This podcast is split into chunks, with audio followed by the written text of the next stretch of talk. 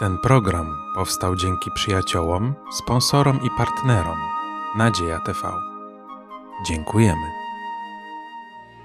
Witam bardzo serdecznie w Kościele Adwentystów Dnia Siódmego w Podkowie Leśnej. Przed nami bardzo interesujący temat zjazd Kościoła w Jerozolimie.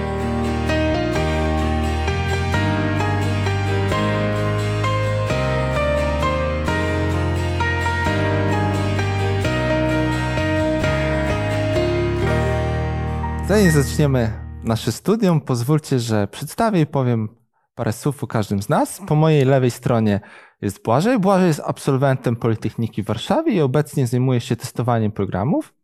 Dalej jest Marek. Marek od 12 lat jest pastorem i obecnie pełni funkcję kierownika do spraw młodzieży w kościele. No i dalej Janusz. Janusz jest absolwentem naszej uczelni w Podkowie Leśnej, Wydziału Dziennikarskiego i obecnie pracuje tutaj na terenie uczelni jako konserwator. A ja mam na imię Grzesiek, skończyłem seminarium w Podkowie Leśnej i obecnie studiuję w Chrześcijańskiej Akademii Teologicznej na Wydziale te Teologicznym. I na rozpoczęcie studium pomódlmy się wspólnie razem z Markiem. Panie Boże, dziękujemy, że możemy mieć Twoje słowo w naszych rękach. Chcemy z niego zaczerpnąć i dziękuję Tobie, że wielu przed nami było, którzy chodzili szukając Twojego głosu, a Ty, Panie, ich prowadziłeś i chcemy również Ciebie prosić i liczymy na Twoje prowadzenie, na zrozumienie Twojego słowa, jeszcze głębsze, jeszcze lepsze, które jeszcze jaśniej pokaże nam, jak piękna jest Ewangelia dla każdego człowieka ku Twojej chwale, Panie Boże nasz. Amen. Amen. To może zaczniemy od jakiegoś pierwszego pytania rozgrzewkowego. Czy te studium było dla Was łatwe, trudne? Jakie odebraliście? Mając doświadczenia minionych wieków, możemy powiedzieć, że te wydarzenia, które tam były opisane, są banalne i rozwiązania, jakie podjęto, proste, też byśmy tak zrobili. Ale jeżeli się wczujemy w rolę tamtych osób, to okaże się, że problem, problem był poważny.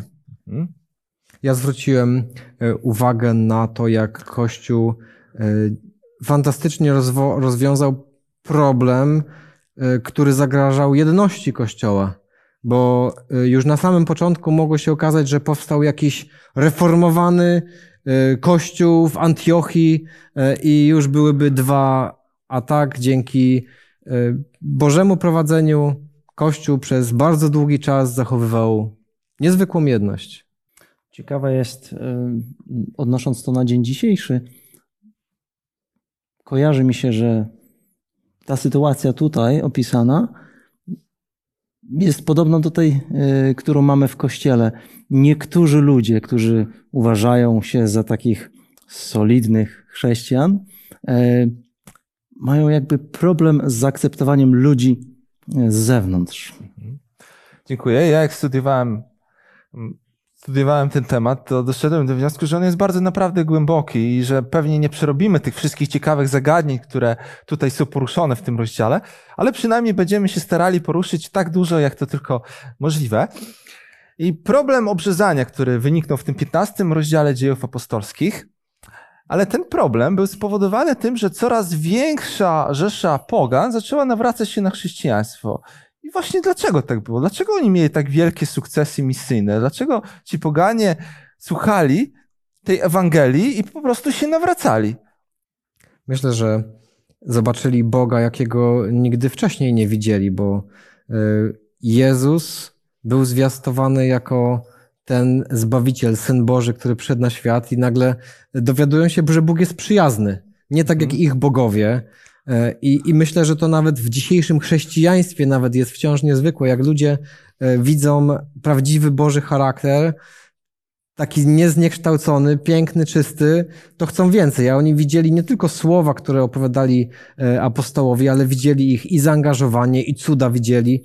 To było coś naprawdę nadzwyczajnego i, i to było więcej niż słowa filozofów, ładne, ciekawe. To była moc. Mhm. Wydaje się, że jest to bardzo podobne do tego, gdy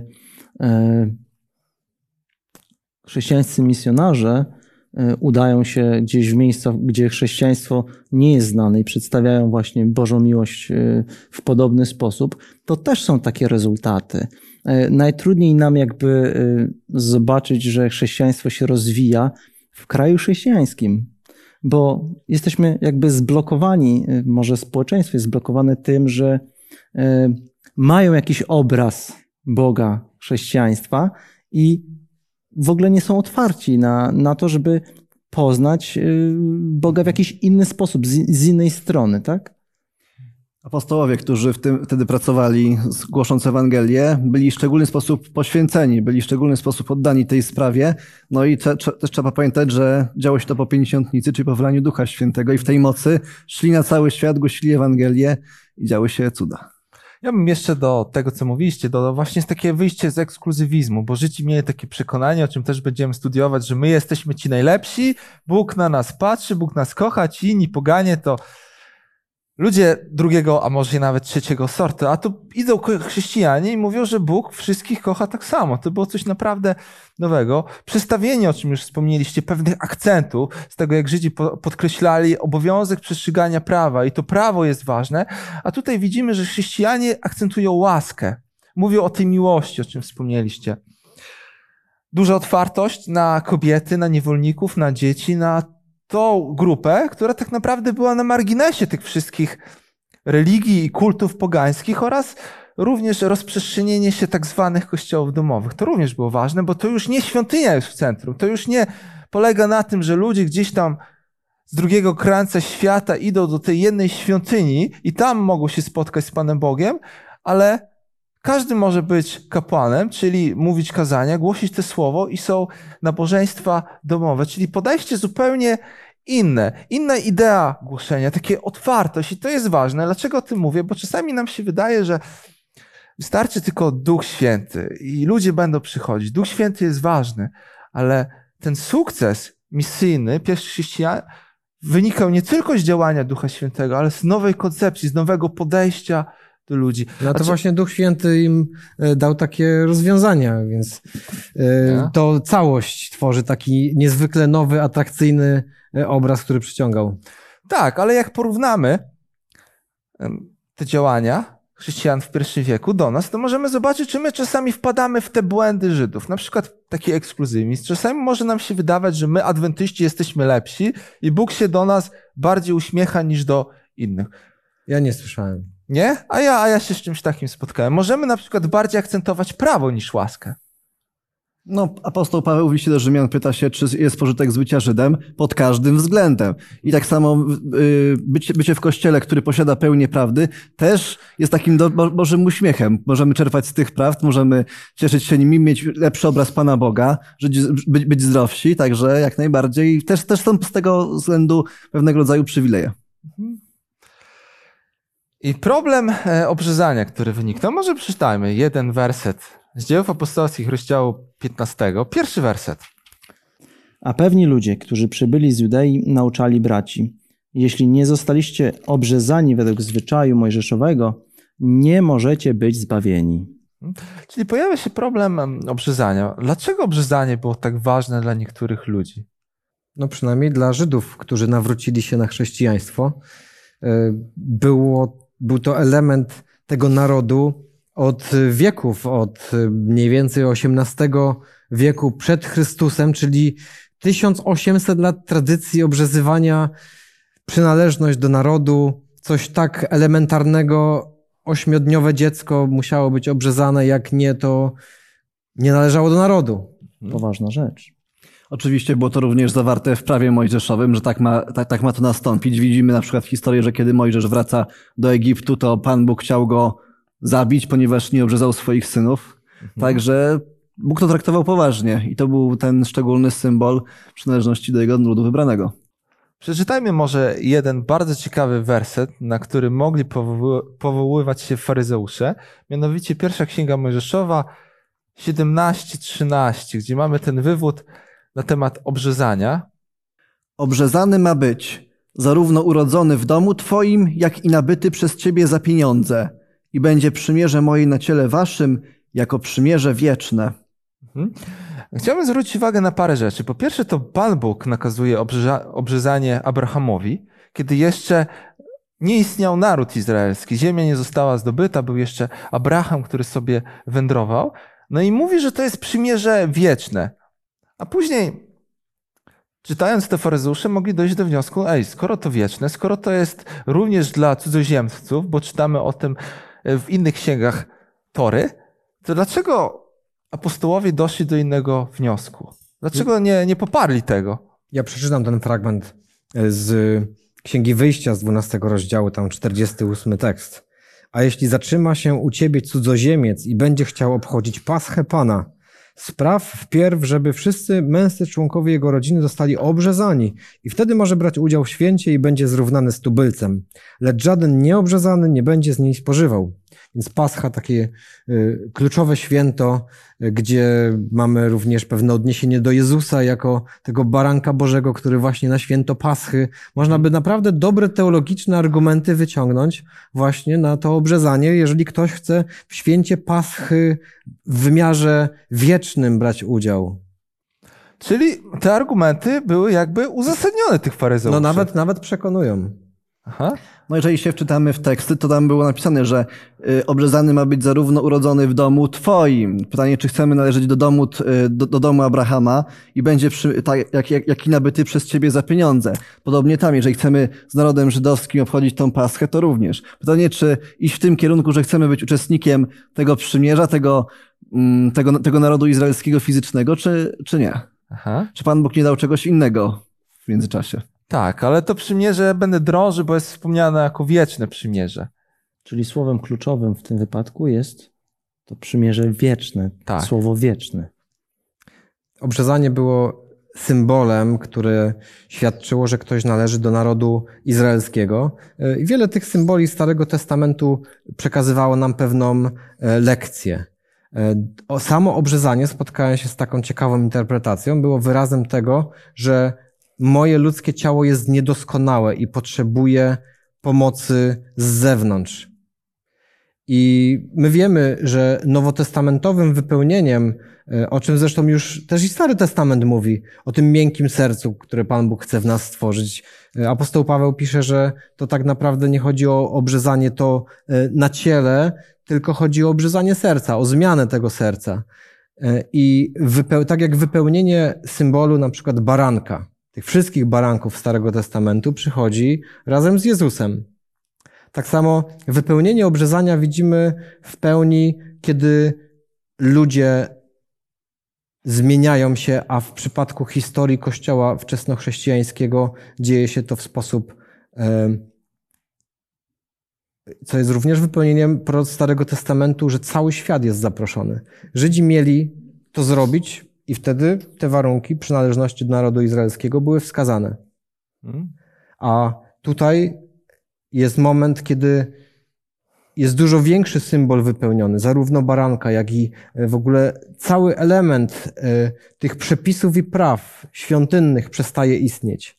I stąd cały Kościół staje w, miejscu, gdzie mówi, musimy zastanowić się w takim razie, co z tych rzeczy było symbolem, co się wypełniło, a co nie. I rozważając to, dochodzą do wniosku, apostoł Paweł pisze wyraźnie, że również tamto obrzezanie było symboliczne, było symbolem tego, co miało stać się później, tego, co ma się stać w środku człowieka. Pytałeś się o to słowo, że to przymierze miało być wieczne. Podobnie choćby do Dawida Bóg powiedział, e, on zbuduje dom e, mojemu imieniu i, i utwierdzę tron królestwa jego na wieki, tak? O, do, do, o, o, potomkach Dawi- Dawi- Dawidowych, tak? Że, jego, że jego tron królestwa będzie na wieki. Wiemy, że dynastia Dawida się w końcu za, za, zakończyła, także powiedzmy, pewne rzeczy, które są w Biblii, niekoniecznie musimy rozumieć wiecznie w sensie e, trwania w nieskończoność, tylko wiecznie tak długo, jak, jak pewne warunki są e, spełnione, albo tak długo, jak, jak, jak zachodzi potrzeba, albo tak długo, jak coś jest potrzebne, aż się nie wypełni właśnie. E, Tak, jedna ciekawa myśl.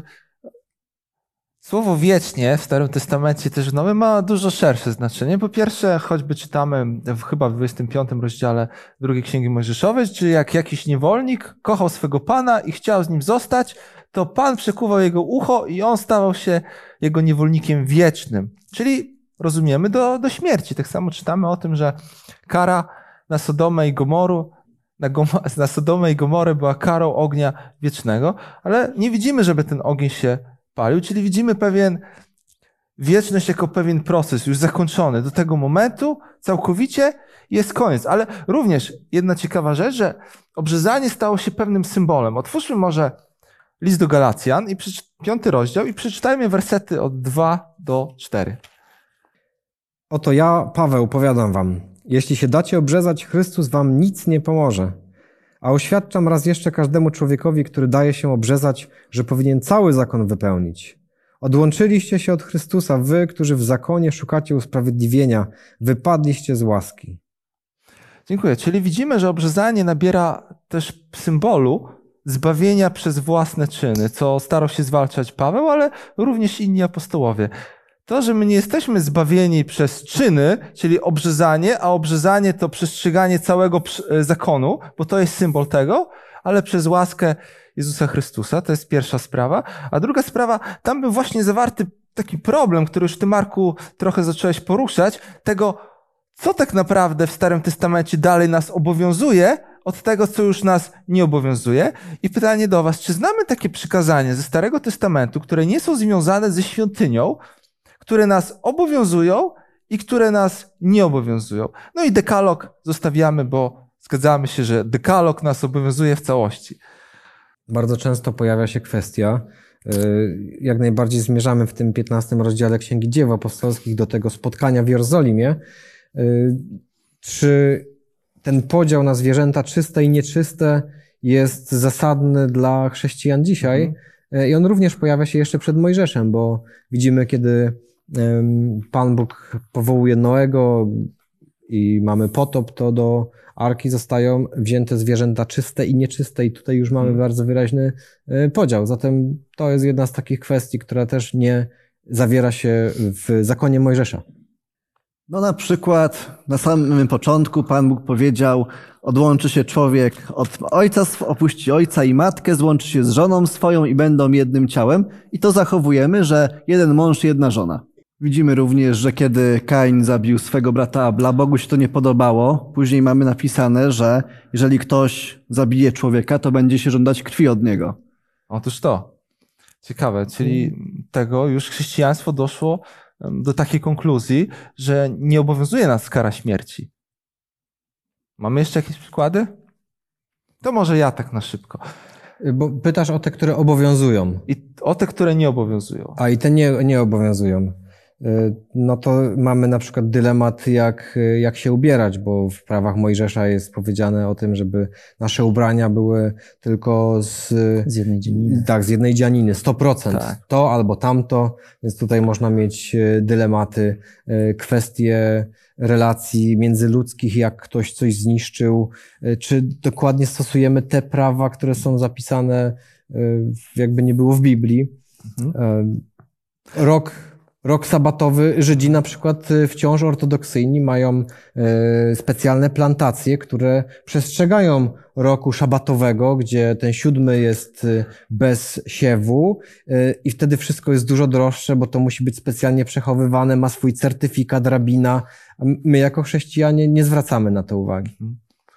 Również można by było wymienić e, niewolnictwo, które obowiązywało w świecie chrześcijańskim, tam chyba do XIX wieku, potem chrześcijanie doszli do konkluzji takiej, że, że to nie jest Boża wola i wiele, wiele innych rzeczy. I nie będziemy teraz wchodzić w to i tutaj stawiać jasnej granicy, co obowiązuje, a co nie. Ja tylko chciałem, żebyśmy zaznaczyli ten problem, bo mamy około 40 tysięcy różnych kościołów na świecie, chrześcijańskich kościołów, które idą, nauczają prawdy, tak, tak przynajmniej wierzą i się właśnie różnią tym ten problem i tych podziałów polega na tym, że jedni uważają, że to nas dalej obowiązuje, a inni uważają, że to już nas nie obowiązuje. Jedni uważają, że ten fragment trzeba odczytywać literalnie, a inni uważają, że akurat ten fragment trzeba odczytywać symbolicznie.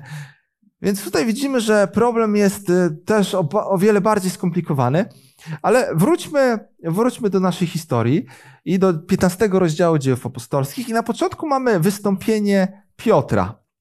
Nie będziemy może czytać tego wystąpienia, wierzę, że przeczytaliśmy w domu, ale co on tam porusza? Jakie takie ważne kwestie Piotr w tym swoim wystąpieniu porusza?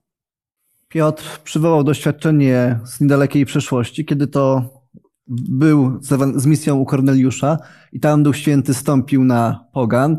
Stwierdził, że skoro tam Duch Święty został wylany na właśnie na dom Korneliusza, który nie był jak najbardziej obrz- obrzezany w tamtym momencie, to dlaczego, skoro Duch Święty się do, nich przyznał, dlaczego mają, ma, mają, mamy nakładać na pogan ciężar obrzezania? Mhm. Bazowo na doświadczeniu.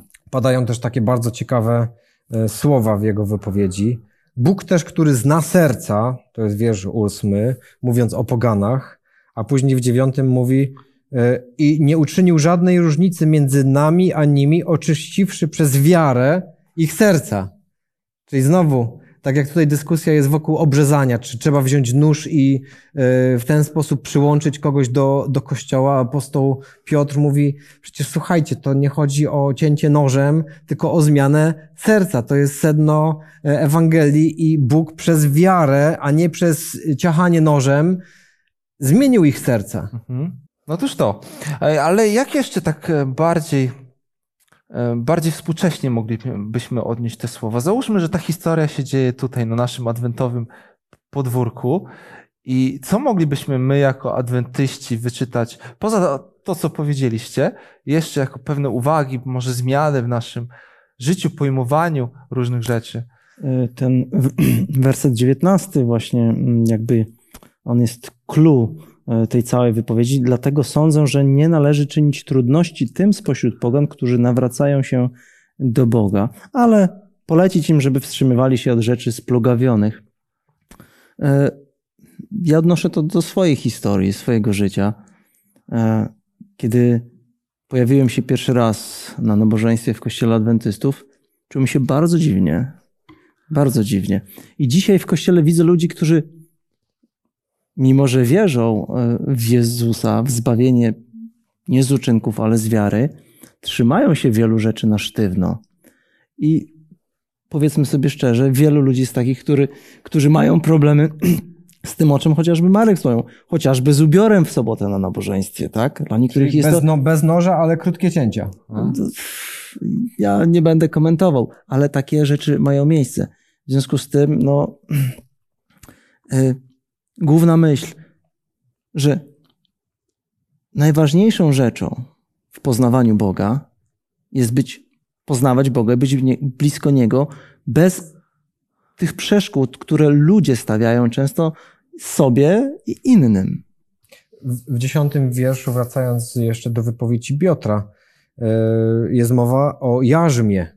Jarzmo się tak źle kojarzy e, i nieraz właśnie lista tego rób to, tego nie rób, e, to jest coś, z czym nam się kojarzą faryzeusze. E, Kiedy faryzeusz i celnik pojawiają się w świątyni, o czym Pan Jezus mówi w pewnej przypowieści, e, to faryzeusz wylicza długą listę rzeczy, którą robi, czego nie robi, dlaczego jest lepszy od tego tam siedzącego z tyłu celnika. Mhm. I, I to obrzezanie na domiar wszystkiego. I to jest 18 wieków tradycji machania nożem. To jest naprawdę e, bardzo głęboko zakorzenione. I nagle mamy przestać to robić, więc e, tak jak, tak jak mówisz, Janusz, jest, e, musimy, musimy my też cały czas zastanawiać się, co naprawdę wynika z tekstu Pisma Świętego dla nas w naszym życiu, co y, dotyczy naszego serca i zmiany tego serca, a co jest pewnym zewnętrznym dodatkiem. A tutaj jeszcze był problem dużo głębszy, bo o tym obrzezaniu, to co już rozmawialiśmy, to Pan Bóg powiedział bardzo wyraźnie jeszcze, że na wieki, Aha. a, a my dyskutujemy, czy koniecznie w krawacie, czy, czy nie w krawacie. No, są takie dyskusje, czy sojowy, czy niesojowy kotlet. Tak. Macie rację, ja się z tym całkowicie zgadzam. Jeszcze myśląc nad tą historią, to przyszła taka kolejna konkluzja, to to, że tutaj Piotr przywołuje swoje doświadczenie z Korneliuszem. Jak dobrze pamiętamy, on na początku obawiał się, aby pójść do poganina pod jeden dach i nawet wziął jakichś tam świadków razem ze sobą, bo w jego takim żydowskim myśleniu Żydzi stali dużo wyżej niż, niż poganie. Bóg się dużo bardziej troszczył o Żydów niż o pogan i to dla, nie, dla nich było czymś nie do pomyślenia, aby pod jeden dach razem pójść i wspólnie razem przybywać. I czasami może to się wkradać też do naszych adwentowych umysłów, że my myślimy, że tak, jak już adwentyści, jak już święcimy sobotę, robimy dużo dobrych rzeczy. Ze szczerości naszego serca, bo mamy przekonanie, że to się Bogu podoba, ale może wkrada się taka myśl, że jednak jesteśmy lepsi od innych, że jednak Bóg może nas bardziej kocha, że może ci inni chrześcijanie to mają zupełnie innego Boga niż my i robimy to samo, co właśnie robili Żydzi. Stawiamy siebie dużo wyżej niż innych. Ale jak nam historie z dziejów apostolskich pokazują, że tak naprawdę Bóg kocha i jednych, i drugich. Bóg chce zbawić i jednych, i drugich. I nie ma u Boga takiego podziału, jak my czasami e, widzimy, czy chcemy zrobić. Czyli wracając do naszej historii, do soboru w Jerozolimie, tego problemu obrzezania i wystąpień, które się pojawiły. Pierwszy wystąpił Piotr, potem wystąpił Jakub. I właśnie co tam Jakub mówił? O ile Piotr mówił bardziej o doświadczeniu, czyli empirycznie. Zobaczcie, Bóg jest tak samo z nimi, jak i z nami. Mamy na to dowód. Duch Święty zstąpił. To nie był jakiś przypadek. Mamy historię, zresztą e, to spotkanie w Jerozolimie najpierw poprzedzone było opowieściami apostoła Pawła i Sylasa o tym, jak Bóg czynił cuda pomiędzy poganami. Więc mamy e, jako jeden z dowodów doświadczenie, a później pojawia się Jakub, który zaczyna cytować teksty Pisma Świętego. Więc mówi to nie tylko, że e, my widzimy, że Duch Święty działa, ale to jest również świadectwo słowa. I tutaj co prawda mówi o przybytku Dawida, że ma być odbudowany jako królestwa izraelskiego, natomiast my wiemy, że Izrael był powołany do tego, żeby Ewangelię, bo ona jest wieczna, ona taka sama była w Starym Testamencie, opowiedzieć całemu światu, żeby pogan przyciągnąć do Boga.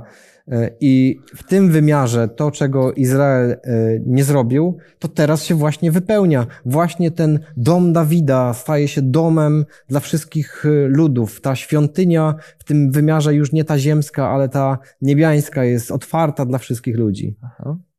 Janusz w swojej wypowiedzi nawiązał do słów Jakuba, wersetu 19. Dlatego uważam, że nie leży czynić trudności poganom zwracającym się do Boga.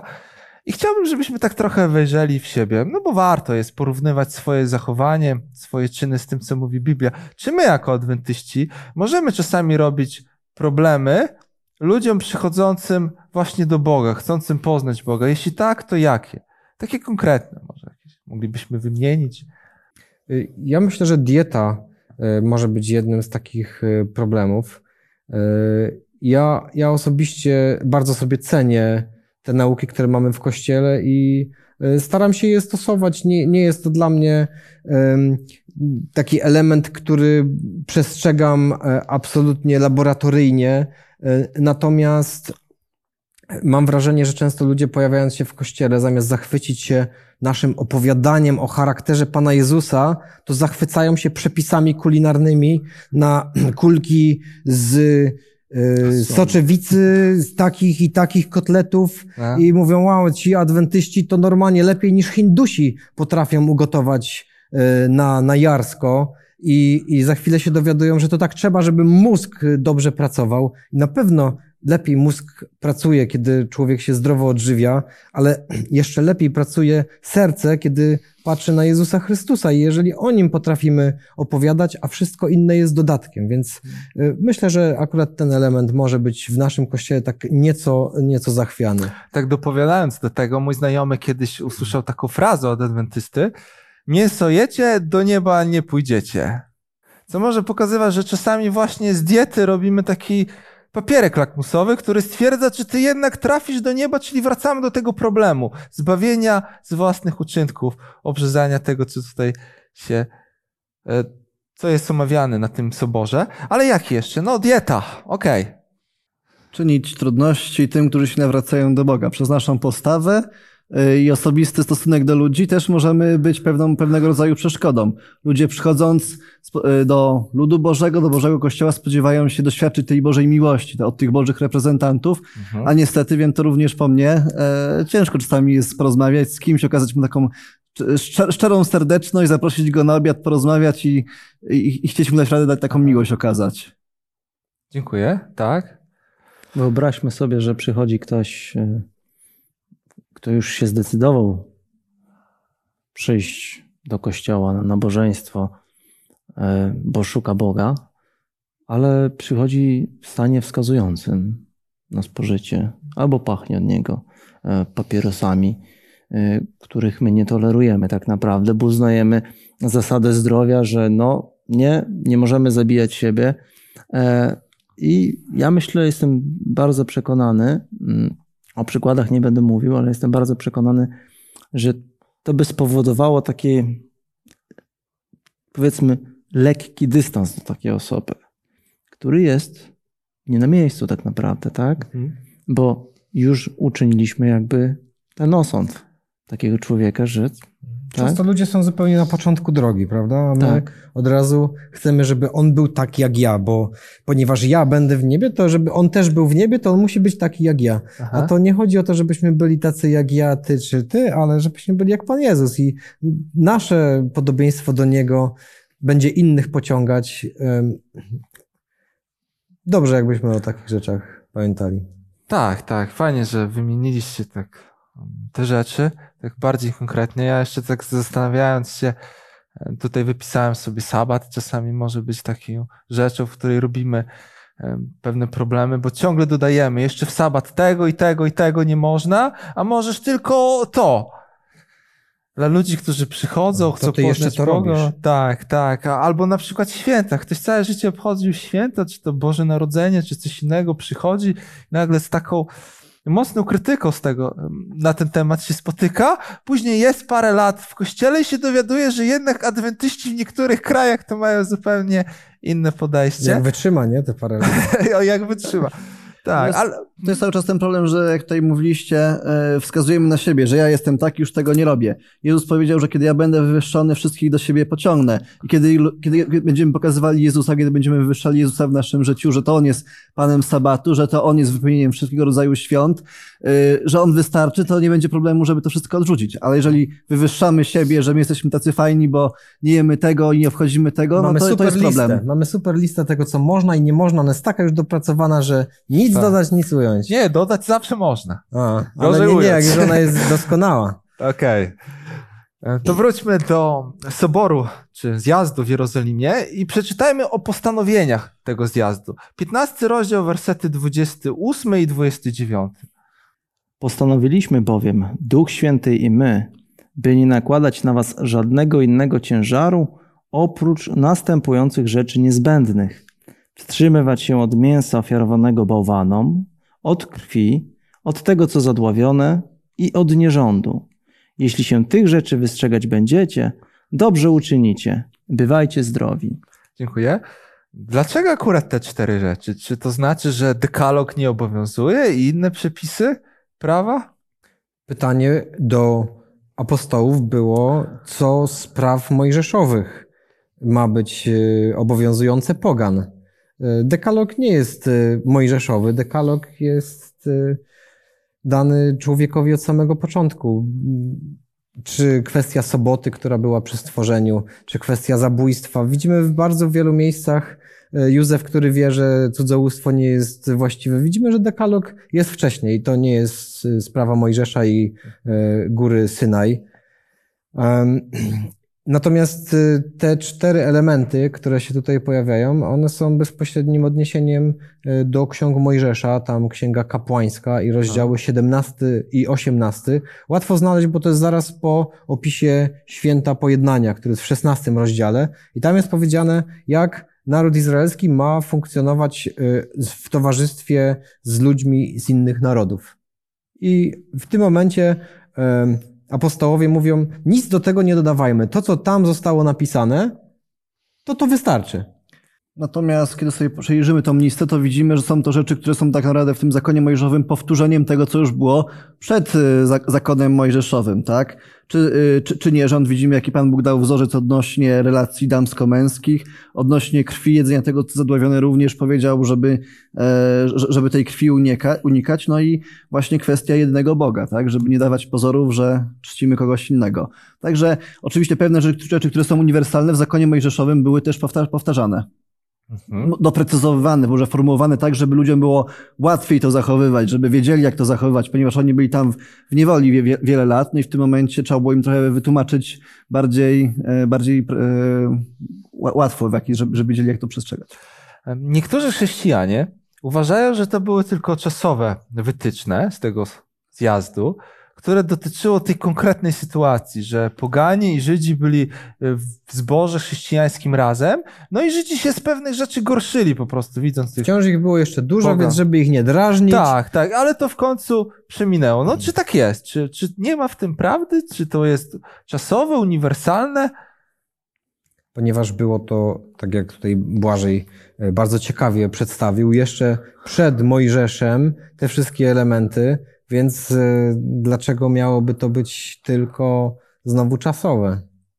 Poza tym oni i tak już stwierdzili, że nie chcą nakładać ciężarów, ale te rzeczy niezbędne, że, że należy je przestrzegać. To... E, Co więcej, w Księdze Objawienia w drugim rozdziale i czternastym tekście jest e, mowa o w jaki sposób nawiązaniu do tych ustaleń z tego Soboru Jerozolimskiego. Czytamy tam tak.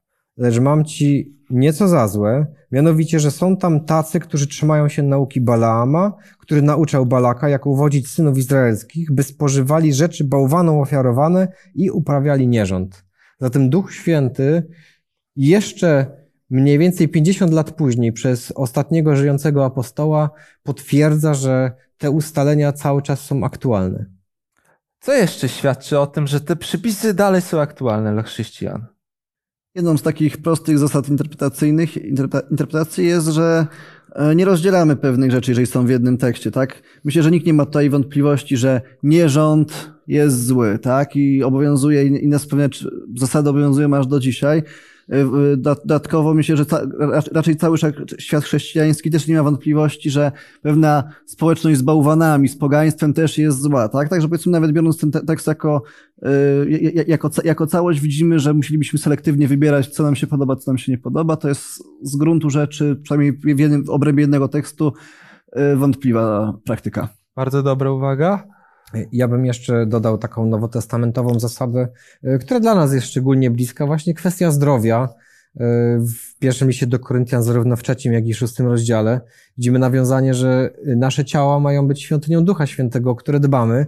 Każda z tych przedstawionych tutaj zasad również ma odniesienie do naszego y, zdrowia, bo y, na przykład w kontekście tej nieczystości, tej pornoi, jak tam jest w, w oryginale, to nie tylko chodzi o jakiś kontakt seksualny pozamałżeński.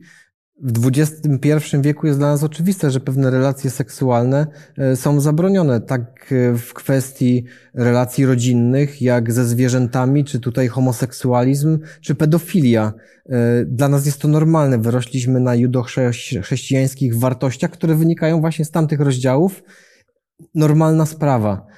Kwestia krwi to też kwestia zdrowia. W XXI wieku wiemy, że to jest zwyczajnie niezdrowe, trucizna, a wystarczyło zwyczajnie spojrzeć oczami wiary na to, co napisali apostołowie, czy jeszcze wcześniej Pan Bóg przez Mojżesza i jeszcze wcześniej.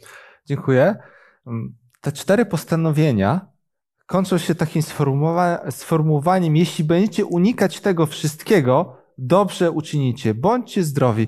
O czym to świadczy? Dlaczego te zdanie się znalazło na koniec, a nie na przykład była kropka, albo musicie to robić, inaczej zostaniecie wyłączeni ze społeczności chrześcijańskiej. Tak jak Chrystus powiedział odnośnie przekazań, kiedy był zapytany o życie wieczne, o zbawienie, to czyń, a będziesz żył. To jest taka kwintesencja, y, tak? Takie amen. Y, Bądź wolny właśnie przez zbawienie, ale to jest wynikiem twojego życia, tak? To uczyni cię jeszcze bardziej wolnym, No szczęśliwym po prostu. szczęśliwym no, no, i no, zdrowym. To była taka pozytywna motywacja. Nie straszenie, ale, ale zachęcanie. Aczkolwiek później Paweł w liście do Koryntian też zaleca, żeby takiego, który właśnie z, żyje z, żo- e, z żoną ojca swego, jednak wyłączyć. Tak. Ale ja tutaj właśnie widzę tą motywację, że Kościół pierwszego wieku nie kierował się strachem, tym, że jak tak nie zrobicie, to spłoniecie w piekle i tak dalej. Takie straszenie, no to znika, ale jest motywacja, jest taka zachęta, bo tak jak napisał Paweł, do wolności zostaliśmy powołani, tylko pod pozorem tej wolności nie pobożajmy ciało, ale służmy sobie nawzajem. I to jest piękne właśnie, to wezwanie do wolności, nie, nie grożenie, tylko takie motywowanie i fajnie by było, jakbyśmy też potrafili tak ze sobą rozmawiać, nie strasząc siebie, nie wymuszając, ale motywując do dobrych rzeczy. I ostatnie pytanie, jak kończy się ten zjazd? Wszyscy się bardzo e, cieszyli tak na zjeździe, jak i później w Antiochii, gdzie dostali odpis listu, też była wielka radość. I taki praktyczny wniosek z tej całej historii i z tego zakończenia dla nas dzisiaj? Jak pozwolimy działać Duchowi Świętemu, to będzie dużo radości. Tak. Oraz jeśli mamy jakiś problem, bo czasami są problemy na płaszczyźnie teologicznej i nie wiemy, co zrobić, to warto się zwrócić do ludzi, którzy ten kościół prowadzą, którzy dla tego kościoła oddali swoje życie, służą i po prostu ich zapytać o zdanie. Bo my nie wiemy wszystkiego. Po to też mamy kościół, po to mamy zarząd, mamy pastorów, aby niektóre rzeczy właśnie dopytywać się, rozmawiać z nimi. Taka duchowa skromność i pokora też nam się przyda. Dziękuję wszystkim za uwagę i na zakończenie pomódlmy się razem z Błażejem. Nasz dobry Panie i Boże, dziękujemy Tobie za nauki, które płyną z tego słowa. Daj Panie, żebyśmy byli tym kościołem, który będzie pociągał ludzi, do którego będą się chcieli przyłączać, jak najwięcej osób chcących poznać Ciebie, abyśmy nie stawiali przed nimi problemów, ale żebyśmy wywyższając Ciebie pociągali wszystkich ludzi do Ciebie. Daj nam Panie i prowadź nas Duchem Świętym, tak jak prowadziłeś swój Kościół w, tamtych, tamty, w tamtym czasie. W imieniu Jezusa Chrystusa. Amen. Jeszcze raz bardzo serdecznie dziękuję za to, że byliście razem z nami podczas tego studium i zapraszam Was za tydzień na kolejne rozważanie Słowa Bożego pod tytułem Druga podróż misyjna apostoła Pawła.